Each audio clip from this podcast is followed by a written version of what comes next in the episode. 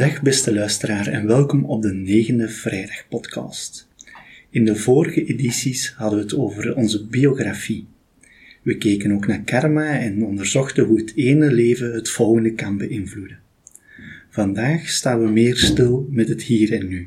Hoe dat we de dingen aanpakken, hoe dat we in het leven staan en hoe dat we door onze daden zaken kunnen transformeren tot deugden voor het verdere leven. Veel luisterplezier. Dankjewel, chef. Ehm, Herman, jij had nog een aanvulling uh, of een toevoeging bij de vorige podcast. Ja, uh, chef heeft het in de inleiding al gezegd. We hebben het in, het in de vorige edities vooral gehad over karma. En uh, vandaag gaan we het meer hebben over hoe doen wij dat in de school? Hebben wij invloed op karmische ontwikkelingen? Wat, wat uh, uh, heeft leerstof daarmee te maken en dergelijke? Maar ik wilde eigenlijk eerst vooraf wel iets bemerken, namelijk dat niet alles wat in het leven zich voordoet, onder de noemer karma kan geplaatst worden. Er zijn ook gewoon zaken die in het leven gebeuren, zeker ook in het jonge leven van, van onze kinderen, van onze jongeren, die eerder uh, kunnen benoemd worden als ontwikkelingsdrempels. En die ontwikkelingsdrempels, die uh, zijn voor leeftijdsgenoten ongeveer dezelfde. En dus wanneer een, een kind in de klas uh, door moeilijkheden gaat, of lastig doet, of uh, weigert om bepaalde dingen te doen, moeten we niet altijd denken, ja, wat heeft dit karmisch te betekenen? Maar wel, uh, hoe vertaalt zich hier een drempel die door dat kind genomen wordt naar een volgende uh, levensfase? Natuurlijk gaan die twee door elkaar gaan. Hè? En daar zullen we moeten in oefenen om te leren onderscheiden als ouder, als leerkracht, als opvoeder, om te zien, gaat het hier om een ontwikkelingsprobleem of gaat het hier om een kermis gegeven? Dat wil ik toch opvarend even nog eens uh, duidelijk stellen. Waar uh, het vaak zelfs geen ontwikkelingsprobleem is, hè, maar een ontwikkeling eigenlijk. Ja, kan ook gezond zijn. Zelfs een ontwikkelingsnoodzaak. Ja, hè? ja. Ja, dat klopt. Uh, we moeten ons soms meer zorgen maken om die kinderen die die ontwikkelingsdrempels niet nemen. Die schijnbaar zo de gemakkelijke kinderen van de klas zijn. Daar moeten we soms een eerder bij stilstaan van, is dit kind iets aan het verslapen of aan het omzeilen? Want het is beter dat het nu gebeurt dan binnen tien jaar bijvoorbeeld. Dus, uh, ja, en waar we ook, uh, maar dat is uh, misschien voor een andere podcast, dat gaat ons te ver leiden, maar de klassen tijdens de coronatijd, die eigenlijk niet de sociale oefening kregen, doordat ze altijd thuis waren, waar dat we merken dat dat zich verlaat heeft. Um, de ontwikkelingsvraag eigenlijk zo. Ja, ja. En we zien dat ook internationaal. Hè? Mm -hmm. nu hebben we natuurlijk kinderen die in oorlogsgebied leven, hè, Europeanen, uh, of er zijn ook omstandigheden die maken dat jongeren op een bepaalde leeftijd gedwarsboomd worden in hun normale ontwikkeling.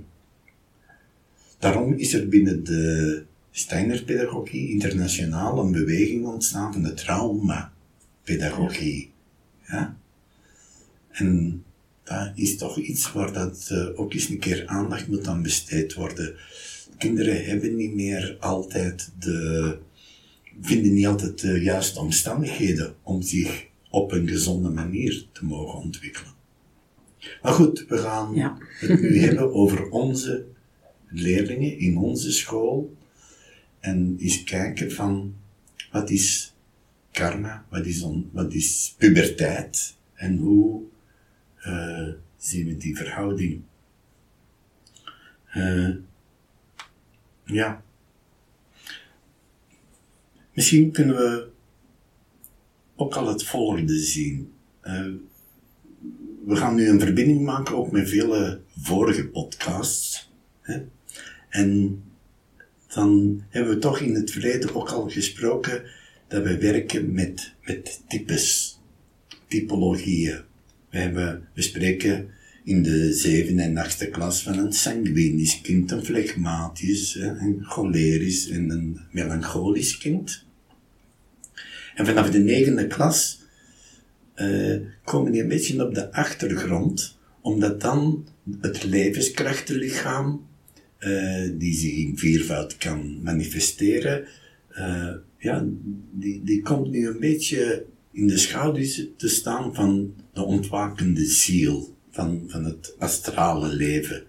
Dus, en dan hebben we een zevenvoud. Ja, dan spreken wij van uh, een Mars-type, een Venus-type, een Mercurius-type, uh, zonder te veel met die planeet bezig te zijn, maar van, van, we hebben daar een typologie die wij kunnen hanteren om een kind te karakteriseren. En dan later, bij de leeftijd van 21, ontwaakt nog een, het laatste, het hoogste lichaam van de, van de mens, namelijk het ik-lichaam. En daar zien we geen vierledigheid, geen zevenledigheid, maar een twaalfledigheid. Daar kunnen we echt spreken van, goh, die volwassen mens, die heeft toch vooral iets dat met het weegschaaltype samenhangt. Of met het maagdtype. Of met het boogschuttertype. Ja? Uh, die, die, die, typologieën die, uh, zijn wel belangrijk om, om om mee te nemen in het levensverhaal. Maar iets dat misschien nog niet genoeg benadrukt is en dat ik dan toch even wel hier wil vertellen, is dat binnen de, de antroposofie en binnen de Steiner-pedagogie die types bezien worden als zijnde door de, het betrokken individu zelf gekozen. Met andere woorden, wanneer je een, uh, een volgend leven aangaat, dan kies je eigenlijk je eigen instrumenten. Je, je, het begint al met het mannelijke en het vrouwelijke in, op fysiek gebied, die polariteit. Dan uh, kies je je temperament, je kiest je zielentype en je kiest je geestelijk type.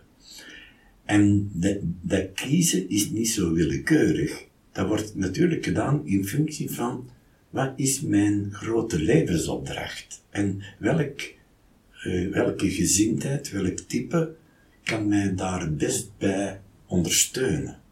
Dus wanneer we in een klas een melancholisch kind hebben, dan heeft het geen zin om te zeggen, goh, wat jammer dat dat melancholisch is. Nee, die melancholie is net een, een mogelijkheid om die levensopdracht voor te bereiden. En later, in de, in de volgende zevenjaarsperiode, zal dat kind misschien een Venus-type zijn. En zien we een, een, een, in, de, in de ziel kwaliteiten ontstaan waarvan we de schoonheid herkennen van dat type, maar ook de, de, de lastigheden. En dan zeggen we, oké, wat jammer hè, dat dat kind als Venus-type door het leven moet gaan. Nee, dat is net mooi en zelf gekozen. En zo moeten we ook uh, meer en meer in de richting gaan van het leven zit wijs in elkaar en we moeten niet jammeren over wat dat ons overkomt, maar het zien als een als iets dat we hebben gekozen als, als mogelijkheden, als instrumenten om ja, dat leven vorm te geven. Ik weet niet of dat, of dat duidelijk is. Hè? Ja, wel, dus, wel. Ja. ja, want ik was dan aan het denken, hè, we hebben dan zo van die, uh, eigenlijk en dat is een mooie aanvulling wat jij geeft van die manieren om met die verschillende types of die temperamenten om te gaan. En dat is nooit om die temperamenten te veranderen, maar wel om eigenlijk het beste eruit te halen. Ja. dat is wel als leraar ook interessant uh, om dat te weten. Ja. Omdat je dan daar op een goede manier mee kan omgaan. Want de uitdaging voor elk kind ligt ook ergens anders dan. Ja, en, en, en, en die instrumenten zijn individueel. En elk instrument heeft een, een schone, positieve kant, maar heeft ook een schaduwkant. En daarom is het zo belangrijk dat het individu uh, opgroeit binnen een context van een samenleving, waardoor de anderen aan u gaan schaven. Want die lopen tegen die schaduwkanten aan. Want een sanguinisch kind bijvoorbeeld, heel levendig, heel bewegelijk, maar kan wel heel enerverend zijn voor de omgeving. En doe alles af met een, met een grapje en met een, met een zwans. Maar dat is niet altijd gepast op een moment dat het heel ernstig, uh, een heel ernstig gesprek plaatsvindt. Dus uh, ze moeten erop gewezen worden op een milde, maar wel duidelijke manier. En dat doe je toch alleen maar doordat je samenleeft in een klasgroep. Als kluizenaar kun je nooit voldoende aan jezelf werken. Je moet de gemeenschap dankbaar zijn dat die u spiegelen en zeggen, mooi, mooie kwaliteiten, maar dit is wel lastig voor ons.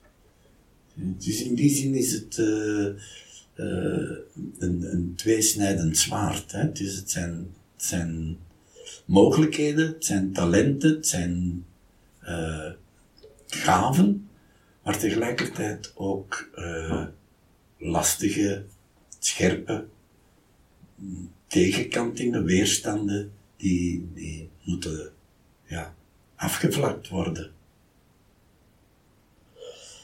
En dus is, is een klas eigenlijk ook een heel karmisch gegeven. Hè? Uh, die werken aan elkaar. Hopelijk zullen we volgende keer een podcast doen.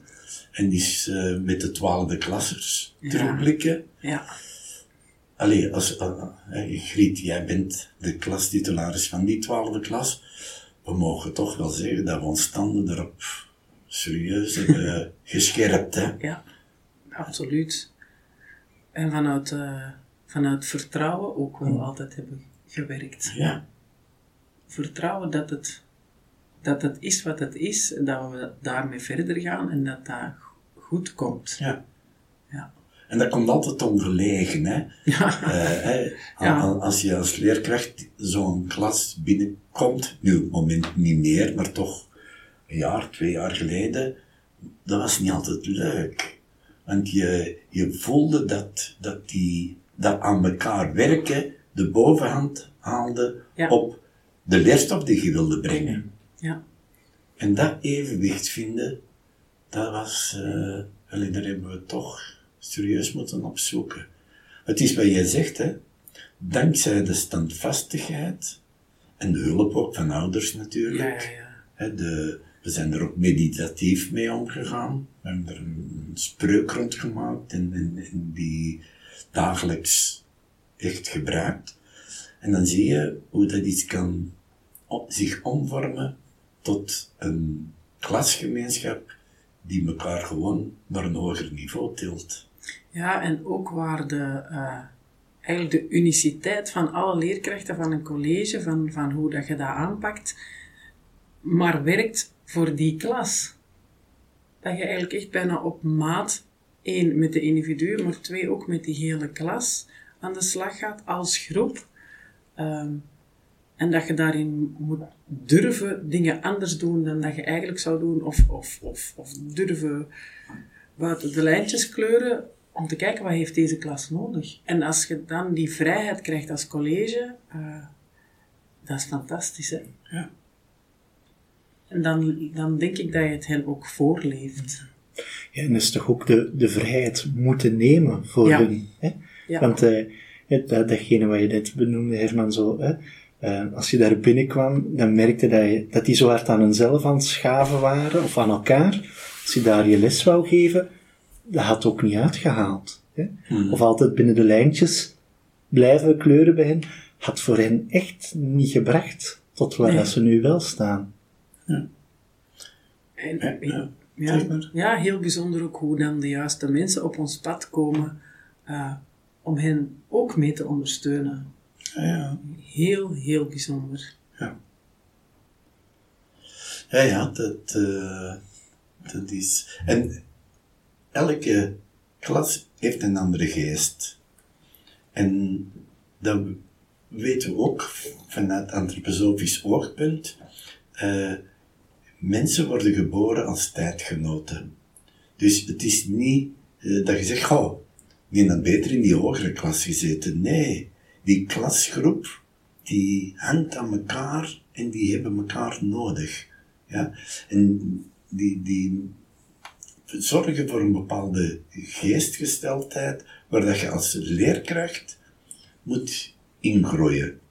En die je moet, en je kunt nooit zeggen, ja, maar ik heb altijd die periode leerstof op die manier gegeven in dat leerjaar. Dat heeft altijd gewerkt, dan zal dat nu ook moeten werken. En anders zijn de kinderen onwillig. Nee, nee. De kinderen vragen om op hun manier aangesproken te worden. Dus je gaat, routine heeft in onze pedagogie totaal geen effect. Alles moet elke keer opnieuw herbedacht worden, naar een nieuwe vorm aangepast in deze groep. En dat maakt ons ook zo bewegelijk. Ja. Dit maakt het ook zo zwaar, maar ook zo, ja, uh, interessant. Ik, vind, ik ben ook zo benieuwd, maar het kan niet. Hè? Um, ik denk dat zij echt als groep wel door iets zijn gegaan, de, de jaren hier en vroeger ook, dat zij samen echt iets hebben doorworsteld. En dan vraag ik me echt af, in een volgende tijd, um, wat gaat er dan anders zijn? Ja, wat, wat is er zo veranderd? Uh, waar, waar gaat het hen gebracht hebben dan? Hmm. Ja, ik, ik, denk wel. Uh, want nu zullen ze misschien wel zeggen, wij gaan contact houden. Wij, wij gaan heel regelmatig reunies doen en zo. Maar vergeet dat, hè. Ja.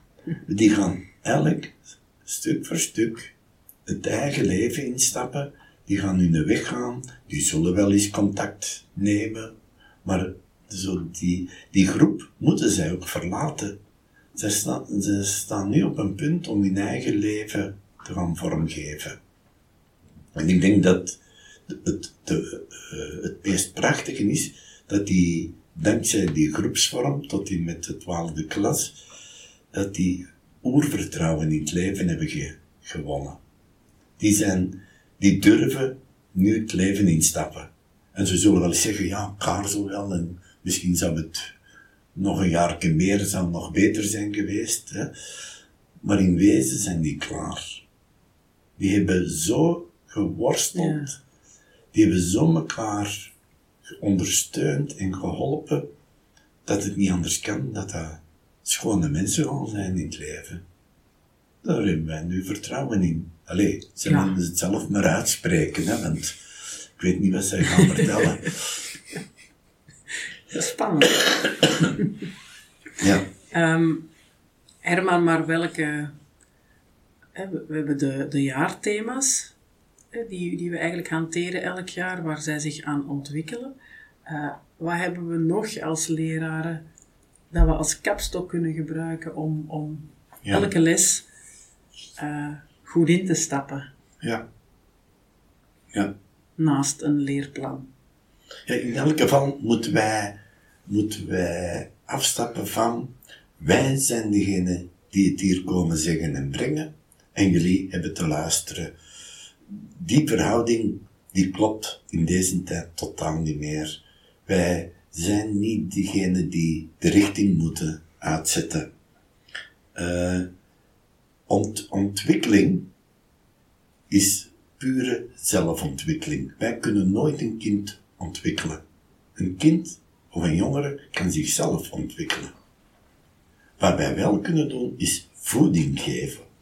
Opvoeding is aan de volwassenen. Ontwikkeling is aan de persoon zelf. En als we dat weten, dan worden we ook heel nederig. Wij, wij, moeten gewoon vertrouwen hebben datgene dat wij aanbieden als voedsel, geestelijk voedsel, zielenvoedsel, soms ook fysiek voedsel, uh, dat dat uh, mag, mag broeden, mag, mag uh, metamorfoseren en zich in het later leven mag manifesteren als een, als een deugd. En we hebben het denk ik in een van de vorige podcasts wel gehad over het geheugen. Ik weet het, ik ja, kan niet altijd ja. mij alles perfect herinneren wat we al besproken hebben. Maar we moeten als leraar een onderscheid maken tussen twee dingen die wij in de lessen in de klasse brengen. Enerzijds pure leerstof.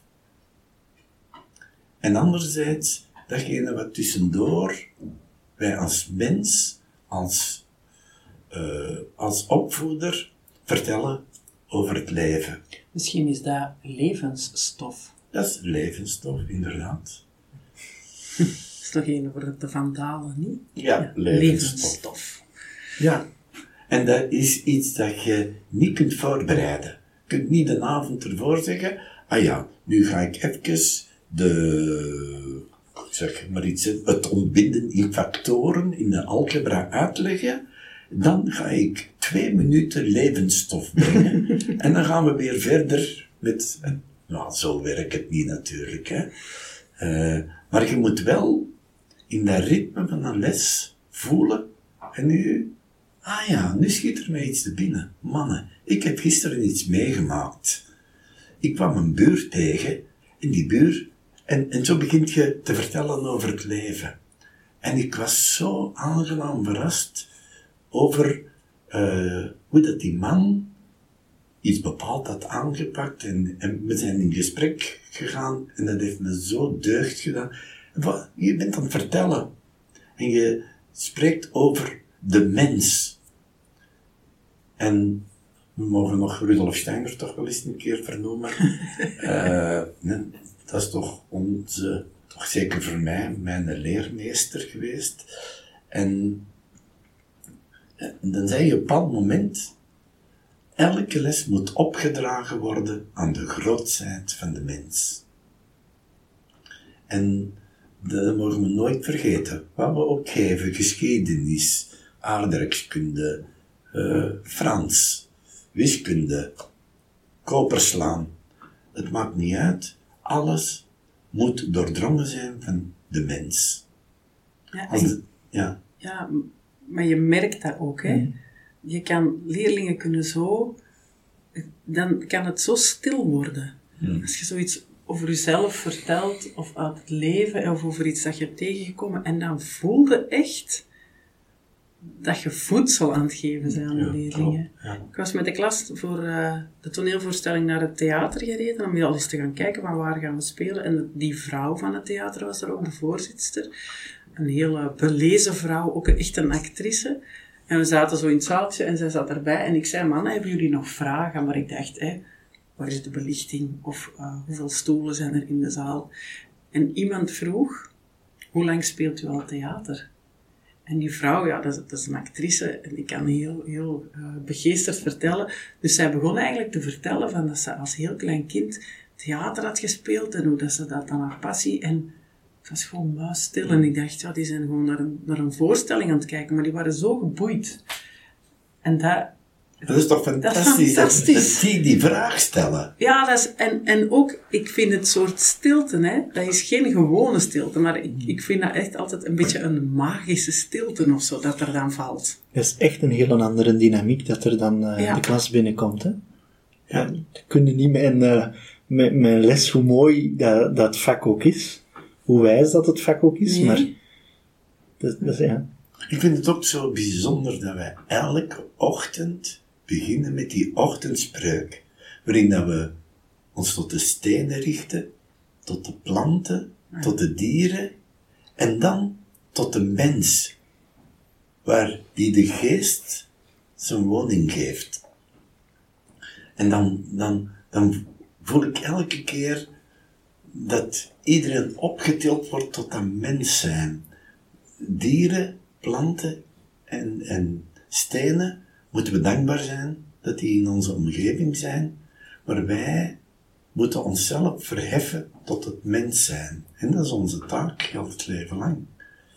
Dit, dit, dit is het ultieme doel, mens worden. Dus moet die mens ook in elke les bewonderd worden. En natuurlijk heeft alles een, ook een uiteenzetting. Hè? Dit, dit loopt niet allemaal van een leien dakje. Maar de, het streefdoel van de mens is groeien, hoger worden, schoner worden en aan elkaar werken. Ja. Ja, en daarom zijn zij ook zo geboeid door die verhalen, hè? want zij weten dat toch niet. Hm. Zij weten dat toch niet, hoe dat, dat moet. En dat is zo mooi, maar dat is zo... Ja, dat, dat, je, ziet, je ziet die daarvan vervuld geraken dan. Mhm. Ik vind dat echt heel bijzonder. En dat, ja, Jeff, zoals je zegt, dat krijg je niet met eender welk ding. Ik, ik krijg je dat niet uitgelegd of zo. Nee. Ik had, eh, vanmorgen mag ik. eh, ik moest lesgeven in de twaalfde klas. En ik vraag ze tussen mijn neus weg: Houden jullie nog van verhaaltjes? Ah ja, ja, verhalen. Ik zeg: Oké. En ik, ik heb een verhalenboek en ik sla dat gewoon open. En ik zeg: Is het goed dat ik het verhaal lees dat hier op die opengeslagen bladzijde te lezen is? Ah ja, goed. Eh, dat is trouwens ook een aanwijzing van diezelfde Rudolf Steiner.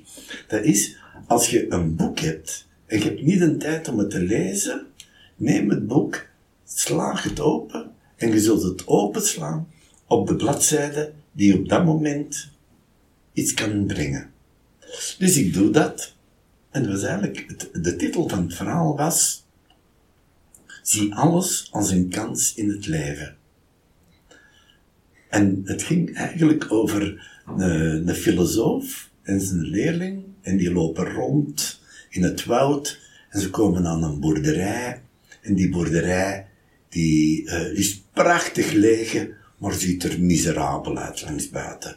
En ze denken, allee, mensen die zo paradijselijk leven, die moeten toch een paradijselijk bestaan maken. Maar dat geeft niet die, die indruk. Dus ze kloppen aan. En de boer komt open doen en ze vragen, mogen we even binnenkomen, willen kennis maken, hè, filosoof en leerling. En dan zie dat die heel miserabel leven. Die kinderen hebben kleren aan die eh, gescheurd zijn, vies zijn, hebben amper iets te eten en allee, ze zijn wel bekommerd. En dan ontstaat er een gesprek. En het gaat er eigenlijk over dat die eh, boer zegt, ja eigenlijk, wij maar, bezitten maar één ding, een koe. En die koe geeft melk en daar kunnen we een paar dingen mee doen om te overleven, boter maken en, en, en het, nog een beetje van die melk verkopen we in het, in het stadje, wat verderop. En daar kunnen we nog een paar andere dingen. Maar dat is het ook. Daar moeten we het mee doen. Oké, ze gaan terug naar buiten en eh, de filosoof zegt tegen die leerling, je hebt maar één ding te doen, die koe eh, vastgrijpen, ermee naar de afgrond lopen en duw die koe in de afgrond. En toen ik dat vertelde, die klas verontwaardigde. Allee, dat doe je toch niet. Het enige wat die mensen nog hebben, is een, die koe en die wordt door de filosoof gevraagd. Duw die alsjeblieft in de afgrond. Maar de leerling is ge- gehoorzaam en duwt die koe in de afgrond. En ze lopen verder. Jarenlang heeft dat bij die leerling natuurlijk een enorme vroeging teweeggebracht. Die, eh, het enige heeft die nog afgenomen van die arme mensen. En na tien jaar komt hij terug op die. Hij zegt: Ik wil weten hoe dat het met die mensen afgelopen is. En hij komt op die plek en hij ziet er een prachtig nieuwe boerderij. En nog een beetje verder een landhuis staan. En hij zegt, ja, nu, nu ben ik helemaal van slag. Ja, die mensen hebben dat boerderijke moeten verkopen en nu wonen er... Dus eh, hij gaat op dat eh, erf en hij zegt, waar zijn die mensen, alsjeblieft, die tien jaar geleden hier nog in woonden? Ah, die woonden daar in dat prachtig landhuis. Die zijn nog altijd de eigenaar van hier. Hoe is dat mogelijk, dacht hij. Dus hij gaat in dat landhuis aankloppen en hij vraagt, oh lieve mensen, hoe is het jullie verlopen uh, uh, tussen tien jaar geleden? Ja, moet je iets weten. Wij kregen bezoek van twee mensen uh, en net nadat die vertrokken zijn, is ons koe gewoon in de afgrond gevallen. En we hadden niks meer. Oh ja, hij hield zich een beetje van de onnozel die heeft niet toegeven dat hij dat had gedaan. maar hoe is, het, hoe is het dan gelopen? Ja, zegt hem, wij met ons gevieren, de kinderen en wij, moeten gaan zoeken, wat moeten wij nog doen om te overleven? En ze hebben alles uit de kast gehaald, ze zijn kruiden beginnen planten, ze hebben bomen beginnen uh, kappen, ze hebben allerlei zaken beginnen te ontginnen, en dat was een jaar moeilijk, maar hun katoenplanten begonnen uh, op te leveren, hun kruiden begonnen op te leveren. En in een aantal jaren tijd ontstond er een enorme rijkdom. Zij konden bouwen, zij konden hun, uh, hun boerderij verbeteren, ze konden nieuwe technieken. En zie, na tien jaar, en ze zeiden op het einde, wat zijn wij dankbaar dat onze koe toen verongelukt is. Want anders hadden we nooit de moeite gedaan om in het leven nieuwe dingen te gaan uitproberen. En die twaalfde klassers, die, die keken zo van, die waren ook helemaal op een verkeerd been gezet. Van de verontwaardiging, maar hoe dat dan in het leven bepaalde dingen die schijnbaar tegenslagen zijn, net het beginpunt zijn van een, van een, van een groei. Ja, en hoe jongeren of kinderen nog zo puur um, kunnen openstaan. En zo nog puur kunnen luisteren en verwonderd zijn. Ja. we doen met de leraren studie en uh, de opdracht vorige week was eigenlijk, ging eigenlijk ook over de verwondering en, zo wakker zijn voor wat is er onverwacht op uw pad gekomen en wat heeft u daarvoor verwonderd of u gebracht? Um, wij als volwassenen moeten dat oefenen. Of wij moeten daar terug voor openstaan. Terwijl dat ik denk dat jongeren, doordat ze nog zo puur en openstaan voor, voor het leven dat hen wacht, zo ook kunnen smullen van verhalen, van, van dingen die hen overkomen. En dat zij nog constant verwonderd zijn. En het is zo mooi dat zelfs twaalfde klassers dat nog hebben. En ik denk ook dat dat is dat, je, dat wij als leraren niet... Ik merk dat nu heel hard, repetities voor toneel. Er is een script en ik kan de hele tijd zeggen, als zij met ideeën komen, nee mannen, we gaan dat niet doen, want het script zegt, maar ik moet net zeggen, oké, probeer het eens. Geef ideeën, geef voorstellen, want als je altijd al zegt op voorhand, nee, zo moet het niet, dat je die openheid ook altijd bewaakt. En dat, het is zo mooi dat dat nog zo puur aanwezig is. En dat je dat kan blijven stimuleren of niet, niet sluiten voor hen als ze op school zitten. En ik had vannacht met die verwondering en die, die oefening uh, gedroomd dat ik op de trein stond te wachten. Die kwam niet. Ik moest dan op een trein stappen die echt oud, versleten, die ook een heel andere weg ging doen. Maar wij passeerden, die trein passeerde altijd langs een van de supermooi dierenpark. En wij, ik zat in die trein en er waren prachtige dieren die ik nog nooit had gezien. En ik dacht echt, als ik nu mijn trein niet had gemist, had ik dit nooit gezien. Mm Zo, een, het verhaal dat jij zegt, een kans krijgen door iets. En die leerlingen staan daar nog zo puur voor open. Mm. Dat is zo mooi, zonder oordeel ook. Ik denk dat dat ook wel hoort bij de generatie van deze tijd. Die hebben beelden nodig. En niet meer uh, met vingerke aanmaningen of uh, ja. Dus in die zin, ik, ik ben zelf nogal rebels op het vlak van, excuseer, de, de eindtermen, die eigenlijk niet anders willen dan dat je kunt afvinken, dat hebben we weer al bijgebracht bij de leerlingen. Zij hebben, zij moeten burgerzin tonen, hè? of enzovoort. Maar, ja, dat afvinken, hè, dat heeft 0,0 effect.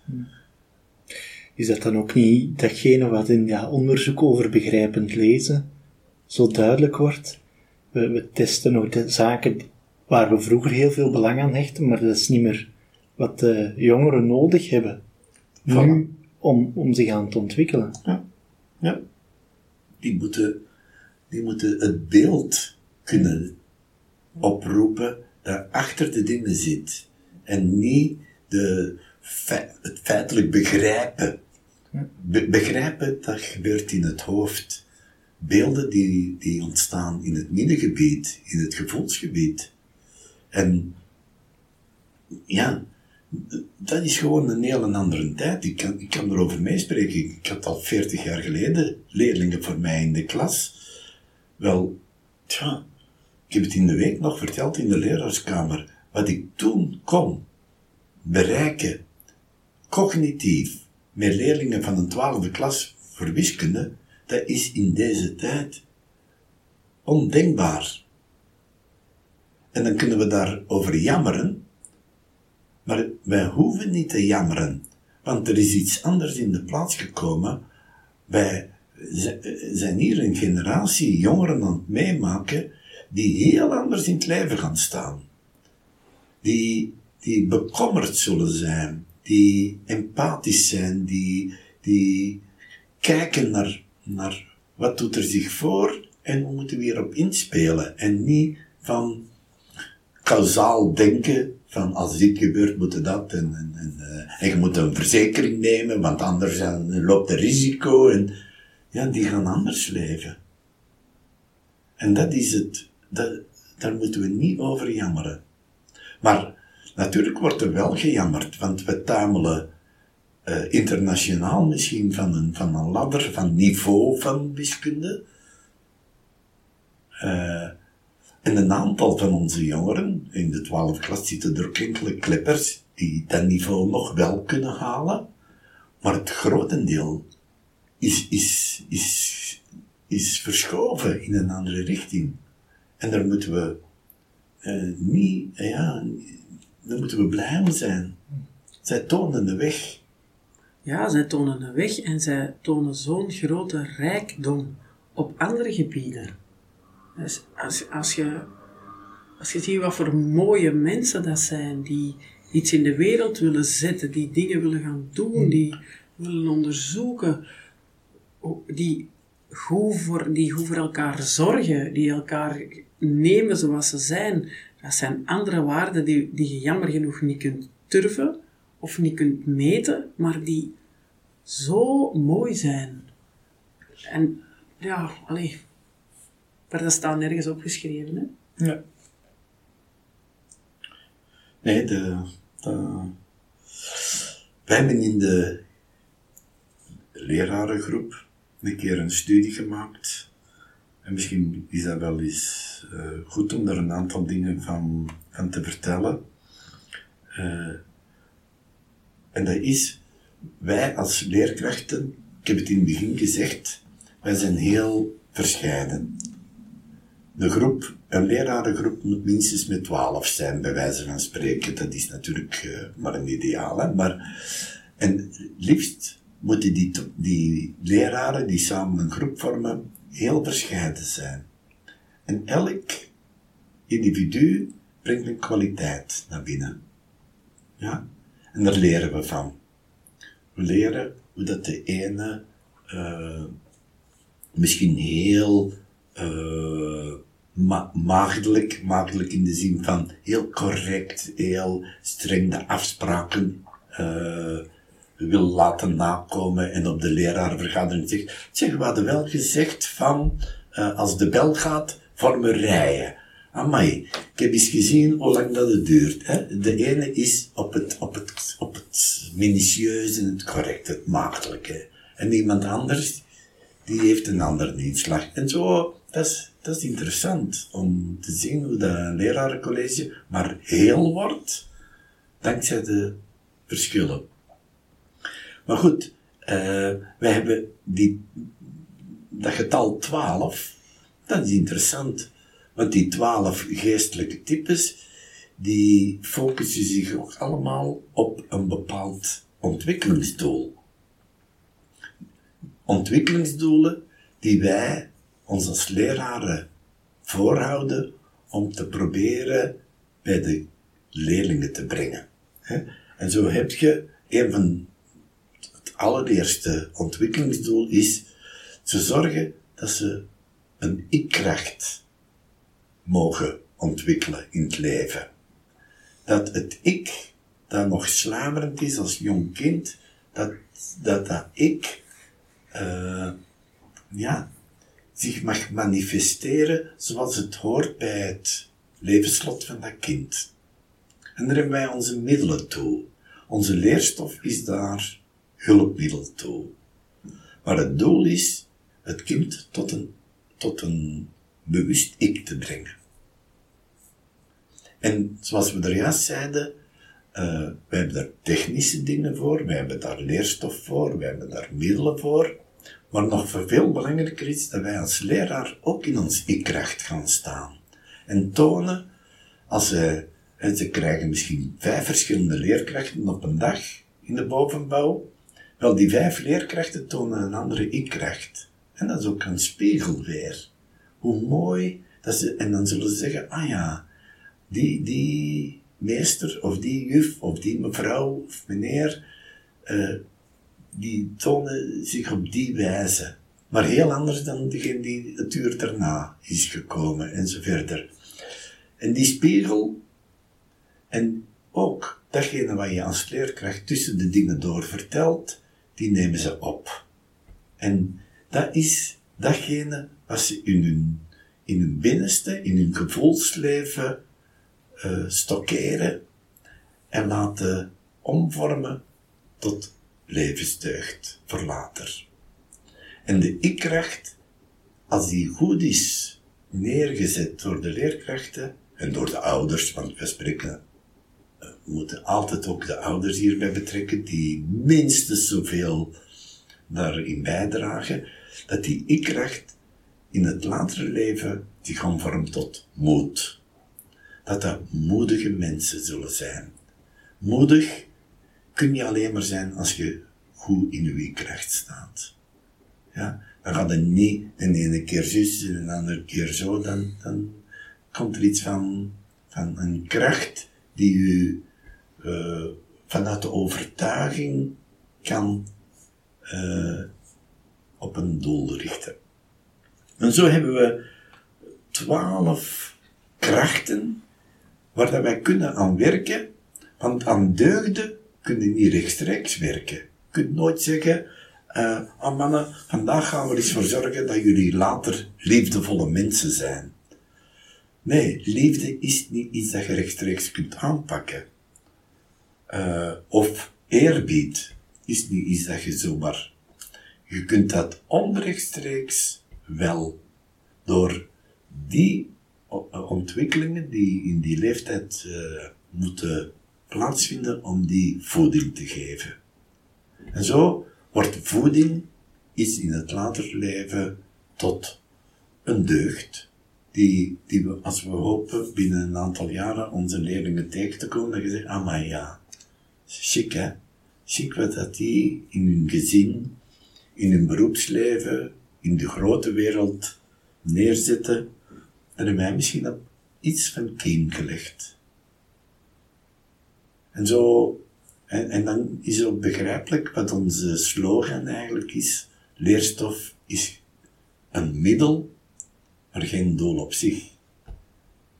De, uh, het ontbinden in factoren kunnen we niet als, dat is het doel, dat ze kunnen leren ontwikkelen, uh, ontbinden in factoren. Dat, dat is natuurlijk voor, voor 99 op 100 leerlingen zullen nooit in hun latere leven uh, een, uh, ont, uh, ontbindende factoren moeten nog toepassen. Dus daarvoor doen we het niet. Maar achter dat ontwikkelen in, ontwikkelen in factoren, maar ik vind ontbindende factoren, zit er iets dat kan sudderen. En dat moet je goed weten als leraar. Je doet dat niet zomaar om af te vinken, maar omdat er iets in die ziel kan neergezet worden, dat je zegt, ah ja, nu kan dat, nu kan dat zich verder uh, metamorfoseren tot een deugd. Dus lesvoorbereiding is veel meer dan even zien, oh ja, hoe zijn nu weer dat ontbinden in die factor? Uh, waar moeten de haakjes gezet worden? Waar moeten we op letten? Dat is een techniek. Ik vind het ook zo mooi, hè, als, als we het daar dan over hebben, hè, van les, of de les is maar een, middel.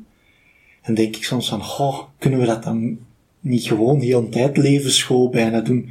Maar dan geraken we er ook weer niet. Nee. Ja, want ik denk, ja. als, je, je ons hier hoort vertellen, dan denk je soms, ja, waarom zouden ze dan nog huiswerk geven?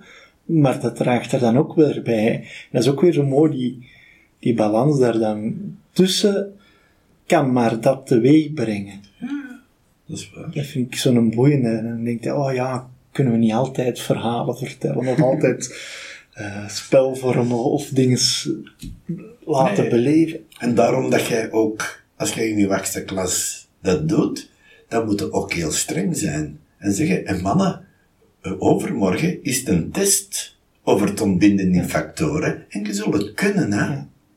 En dan is het niet van, oh mannen, het is allemaal niet zo belangrijk. Nee, nee, wel heel belangrijk. Zij moeten zich hun tanden er kunnen inzetten en, en zijn er niet door, door de test, dan zal er moeten geremedieerd worden. Dus dat, allee, dat is goed dat je dat zegt. Het is wel belangrijk dat, dat het ene uh, op moet verzorgd worden. Niet alleen, wat we dan zeggen van, niet alleen vuren ontsteken, maar ook de emmers vullen. Ja? Maar als je alleen maar emmers vult, ja, dan kun je het alleen maar uh, zo nat maken als het kan zijn. Hè? Ja, dat is ook het, boeiende, Herman, wat jij zei, dat je in een team eigenlijk, uh, dat, dat er een verscheidenheid aan mensen is die eigenlijk ervoor kunnen zorgen dat dat palet helemaal volgekleurd is. En uh, ja, wij schaven ons, een klas schaaft zich aan elkaar, je schaaft u als team ook aan elkaar, want eigenlijk is dat ook een grote leerschool, maar toch vanuit respect ook in die groep voor elk individu. En als leraar ook. Hè, uh, ik denk dat het ook Steiner zei, die, die zei, in de, vorige, in de les die voor u komt, wordt de voorbereiding gedaan gewoon voor uw les. En waar dat je als collega's ook altijd met zoveel respect moet kijken naar alles wat andere collega's doen. Ook al is dat niet op jouw manier, is dat met een andere insteek. Mm. Maar het geheel, het samen, maakt dat onze jongeren in een totaliteit tot ontwikkeling kunnen komen. Ja. En dat is ook zo boeiend eigenlijk. Ja, dat is waar. Als je, als je een ander voorbeeld van een deugd is de toewijding. Vaak zijn het oudbollige woorden toewijding. Je wijdt je toe aan iets. Dat is toch, als, als je als mens, als je een volwassene tegenkomt, die die toewijding uitademt, uitstraalt, dan kun je toch alleen maar warmte voelen. Ah, ah, fantastisch hoe dat hij zich geeft aan iets. Dat hij zich helemaal kan schenken op een bepaald gebied. Hoe kunnen we ervoor zorgen dat onze jongeren in de toekomst toegewijde mensen worden? Dan moeten wij heel concreet werken aan de wilskracht. Wilskracht metamorfoseert in toewijding.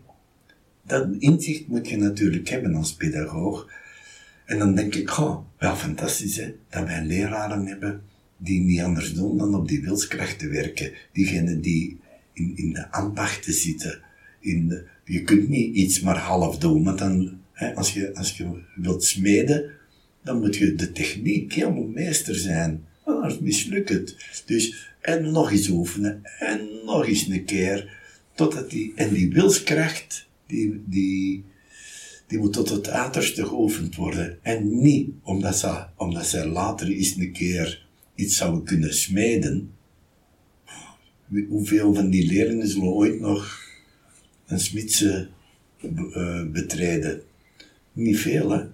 Maar wat ze hebben geleerd, aan, aan, aan kracht, die zal later wel zorgen dat, dat ze toegewijd kunnen zijn.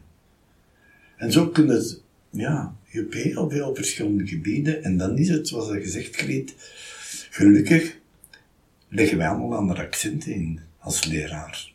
Want wij hebben niet dat vermogen om die twaalf te bezitten. Maar als we allemaal samen onze krachten leggen, ja. En dat, daarom is ook het, het mooiste van de opvoeding is, en de opgave, weer Rudolf Steiner, we mogen hem vernomen, hij is ook grandioos. We zitten met een fan. Je hebt een fan in elk geval onder. Van dat je de, het ultieme doel van de opvoeding is dat je je leerling verder brengt dan jijzelf. Ja, en dat kan ook maar als je, samen doen. hè. als je het samen doet. En ook echt het vertrouwen hebt in wat mijn collega's doen, of iedereen hier op de school die betrokken is, is goed. Ja. Ja, Ik hoop altijd dat elke leerling, en ik heb er nu al honderden zien passeren in die 40 jaar, die ik tegenkom nog recht in de ogen kan kijken. Dat ik kan zeggen van, ik heb gedaan wat ik had, gedaan wat ik kon. Ik was onvolmaakt en ik hoop dat je, dat je verder bent gekomen dan dat. Dus dat er potentie is gelegd in u en dankzij mijn collega's dat jij nu iemand bent in het leven waar ik alleen maar kan erop kijken en bewondering voor hebben. Dat is dan toch, dan, dan hebben we onze taak, denk ik, redelijk goed volbracht. dankjewel Herman. Voor deze weer wijze woorden. Straks worden wij nog fan van jou. Ik denk dat we het hier eh, kunnen afronden. Ehm daarnet klonk ergens eh, van eventueel de twaalfde klas is uit te nodigen voor, een, voor onze laatste dan podcast. Is dat een idee? Gaan we dat doen? Laatste van het seizoen. Laatste van het seizoen, hè? niet onze laatste podcast. Als we nu onze twaalfde klassers eens aan het woord laten volgende Ja, keer, want wij kunnen wel heel veel praten over opvoeden en pedagogie en school en doelen en misschien moeten we eens naar hen luisteren en kunnen we hen de vraag stellen tegen volgende keer ehm, wat heeft de school jou gebracht en wat heeft de school jou geschonken voor de toekomst eventueel. Ik ga het hen vragen. Mooi idee. Dan hebben we een heel team volgende keer aan een micro. Superleuk. Oké, beste luisteraar. We hopen dat jullie genoten hebben eh, van het luisteren. En eh, mocht je nog vragen, suggesties of eh, ideeën hebben, dan zegt Jeff nog eens ons mailadres. vrijdag.podcast.middelbaar.steinerschoolturnhout.be Dankjewel, Jeff. En tot de volgende.